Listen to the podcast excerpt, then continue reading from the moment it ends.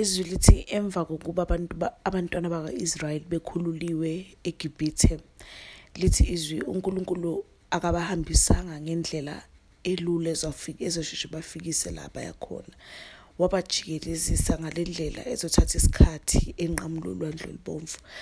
Izwi lithi mabehamba uNkulunkulu waqinisa inhliziyo kaFaro kanye nebutho lakhe. Baqoqa basebeqoqa ukuba bewuhlasela abantwana baka-Israyeli.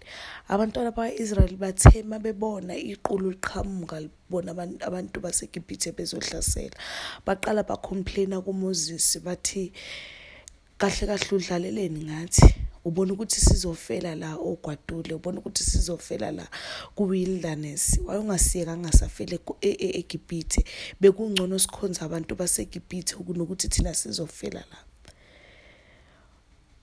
Abantu baka-Israyeli abantwana baka-Israyeli bacomplainile endleleni abantwana baka-Israyeli bancamele ukufa ogwadule bancamele ukufa bancamele ukufela endaweni abahlukumezeleka abahlukumezeka kuyo ukunokuthi bekhululeke bathemba uNkulunkulu baye phambili. Lento engifundisa ukuthi eh uNkulunkulu mesekhiphile endaweni njengoba yesikhipha nje nathi wasilanda ngendodana yakhe eyafa yavuka ngosuku lwesithathu kubalekile ukuthi endleleni simthembe. Ngoba nguyo yazi indlela. Abantu abantwana ba-Israel bacomplaina ngoba babengayazi Red Sea ukuthi ngakuphi babengayiboni. Babeyibona njengabantu abazofika nje benqotshwe abambonanga uNkulunkulu ehamba nabazange beze bemthemba uNkulunkulu ukuthi engahamba nabe ngabavikela abayasazanga abayazanga into uNkulunkulu akayenza enhlizweni kaFaro. Babengalazi kahle kahle uhlelo lukaNkulunkulu ngalolu hambo lwabo. Ukube babazi ukuthi ke uNkulunkulu nguye oqinisa inhliziyo kaFaro ngoba efuna ukubonakalisa amandla wakhe. Babangeke beze becomplain babangeke beze bekhale befuna ukufela ebugqileni bekhetha ukufela ebugqileni kunokuthi bekhululeke. So izwi laleqhubeka lithi Moses wabatshela ukuthi umsana ukukhathazeka. uNkulunkulu nizombona nizoyibona insindiso yakhe msana ukukhathazeka. Labantu baseGibhithe nibabona manje nisophinde nize nibabone ninathulana uNkulunkulu uzonilwela. uNkulunkulu wethu ngempela uyalulana uNkulunkulu wethu akazashiye uMoses wawasho lawo mazwi ngoba yena ubemazi. uNkulunkulu siqu sakhe. Ngoba yena ubekhulumile noNkulunkulu nasekuqaleni nala elibele ebopha inhliziyo kaFaro. Elokho emtshelile uMoses ukuthi mtshela ukuthi uzokwenza kanje mina ngizoqinisa inhliziyo yakhe ukubonakalisa amandla ami kubantu baseGibhithe nakuye uFaro inkosi yaseGibhithe. uMoses walazi uhlelo likaNkulunkulu wayazi ukuthi uNkulunkulu menza kanjena wenzelani. Into ebaluleke kakhulu ukuthi sisondele kuNkulunkulu into ebaluleke kakhulu ukuthi simthembe uNkulunkulu. Mangibona nje la indaba mangibona le ndaba yabantwana bakaIsrayeli ngibona uMoses enganyakaziseki ngoba yena ubesondele noNkulunkulu besondelene noNkulunkulu uyobekwazi ukuthi akhulume noNkulunkulu. Laba bebengakhulumi noNkulunkulu yiba bafike lokwesaba okwahlula noMoses sebatshela ukuthi no ningasabi nina imani uNkulunkulu uzonikhulu nina imani nje kanje thulani uNkulunkulu uzonilwela. Baqhubeka bona bakhala baqhubeka bona babalisa kuNkulunkulu. Why singavelanga safela eGibhithe. Kungani singavelanga safela le kunokuthi sofela la esigangeni kunokuthi sofela la ogwadule? Ukusondela kuNkulunkulu usipha amandla. Ukusondela kuNkulunkulu kususa ukwesaba. Ukusondela kuNkulunkulu kususa ukungabaza. Ngathi ngiyabona ngathi ngiyabona nje abantwana bakaIsrayeli bonke sebemzwile uNkulunkulu sebemthemba sebemile ziqhamuka inqola lapha yana zizobagijimiza liqhamuke ibutho likaFaro lizobalwisa bemthemba uNkulunkulu. Ngathi ngiyabona abantu abawu100 sebemile bethemba uNkulunkulu. Ngathi ngiyabona mina nawe sesimile kulendlela esingayazi kwesinye isikhathi ukuthi sibhekise kuphi. Esithi masiqalaza sibone ukuthi ngisogwadulela kunanto eyenzakalayo. Ngathi ngiyabona mina nawe simile simethemba uNkulunkulu ngathi ngiyabona sithule singalwi. Njengokuyalela kwezwi lenkosi uthe singasabi ngoba yini unathi? Masingasabi uNkulunkulu wethu nathi akasoze washiya akasoze wasilahla uNkulunkulu wethu unothando. uNkulunkulu wethu nomusa uNkulunkulu wethu uthembekile akafani nomuntu. Akaguquki uNkulunkulu wethu akawaqamba amanga.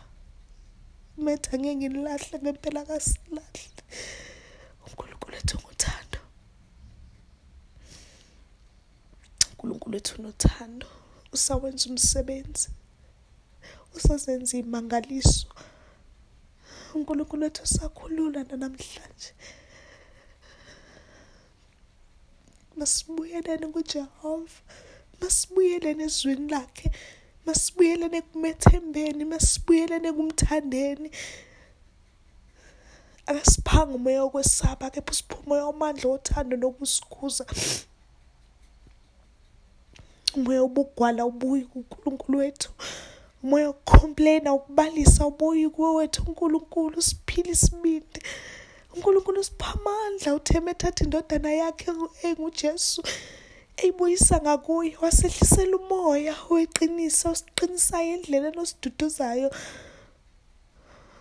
Ongumoya ingcwele asihambi sodwa angeke sibe sodwa uNkulunkulu uthembisile ezwini lakhe. Buyele ezwini likaNkulunkulu. Noma ngabe kusinda kangakanani buyele ezwini likaNkulunkulu. Noma ungafunda ivesi elilodwa ngelanga noma ungafunda ichapter eyodwa ngelanga uNkulunkulu uzokhuluma. uNkulunkulu akahluleki. uNkulunkulu izwi lakhe libuyele emuva lingawenzanga umsebenzi. Lihlaba nhlangothi zombili liyahlaba liyahlukanisa izwi likaNkulunkulu wethu. Ngisazokhuleka nje namanje. Baba siyanxusa egameni likaJesu. Baba siyacela nkosi ungasemuki umoya oyingcwele. Siyacela ungasemuki nkosi uNkulunkulu siphe yena. Siyacela ungasemuki baba ingcwele umsizi nomqondisi siyacela ungasemuki baba udala inhliziyo zikithi ezihlanzekile uNkulunkulu nothando. Siyacela ubuyisa uthando lwakuqala nkosi uthando lwensindiso yakho uNkulunkulu namandla. Sicela ubuyise uNkulunkulu namandla konke okudliwe isigonyane. Uthe baba uzokubuyisa kuphinda phindekile somandla engcwele. Wena uNkulunkulu ongawaqamba amanga sicela uNkulunkulu namandla. Siyacela dwala lapha kade ukuthi usize nkosi asikwazi ukuhamba uNkulunkulu wethu namandla sodwa ledlela siyacela uNkulunkulu namandla ngomoya oyingcwele uNkulunkulu namandla ongakamuzwa umoya oyingcwele empilweni yakhe uNkulunkulu namandla uthe omcelayo nkosi uzawuphiwa wathi baba ucelayo uNkulunkulu namandla uyaphiwa. Thocela egameni kaJesu uyaphiwa simakade. Siyacela ukuthi ubonakale nkosi egameni kaJesu Kristu waseNazaretha. Siyacela ululu ingalo yakho nkosi usikhulule uNkulunkulu wethu namandla. Seyelula ingalo yakho baba ingcwele lithizwi lakho nkosi ayifinyezwanga ukuba ingasindisa.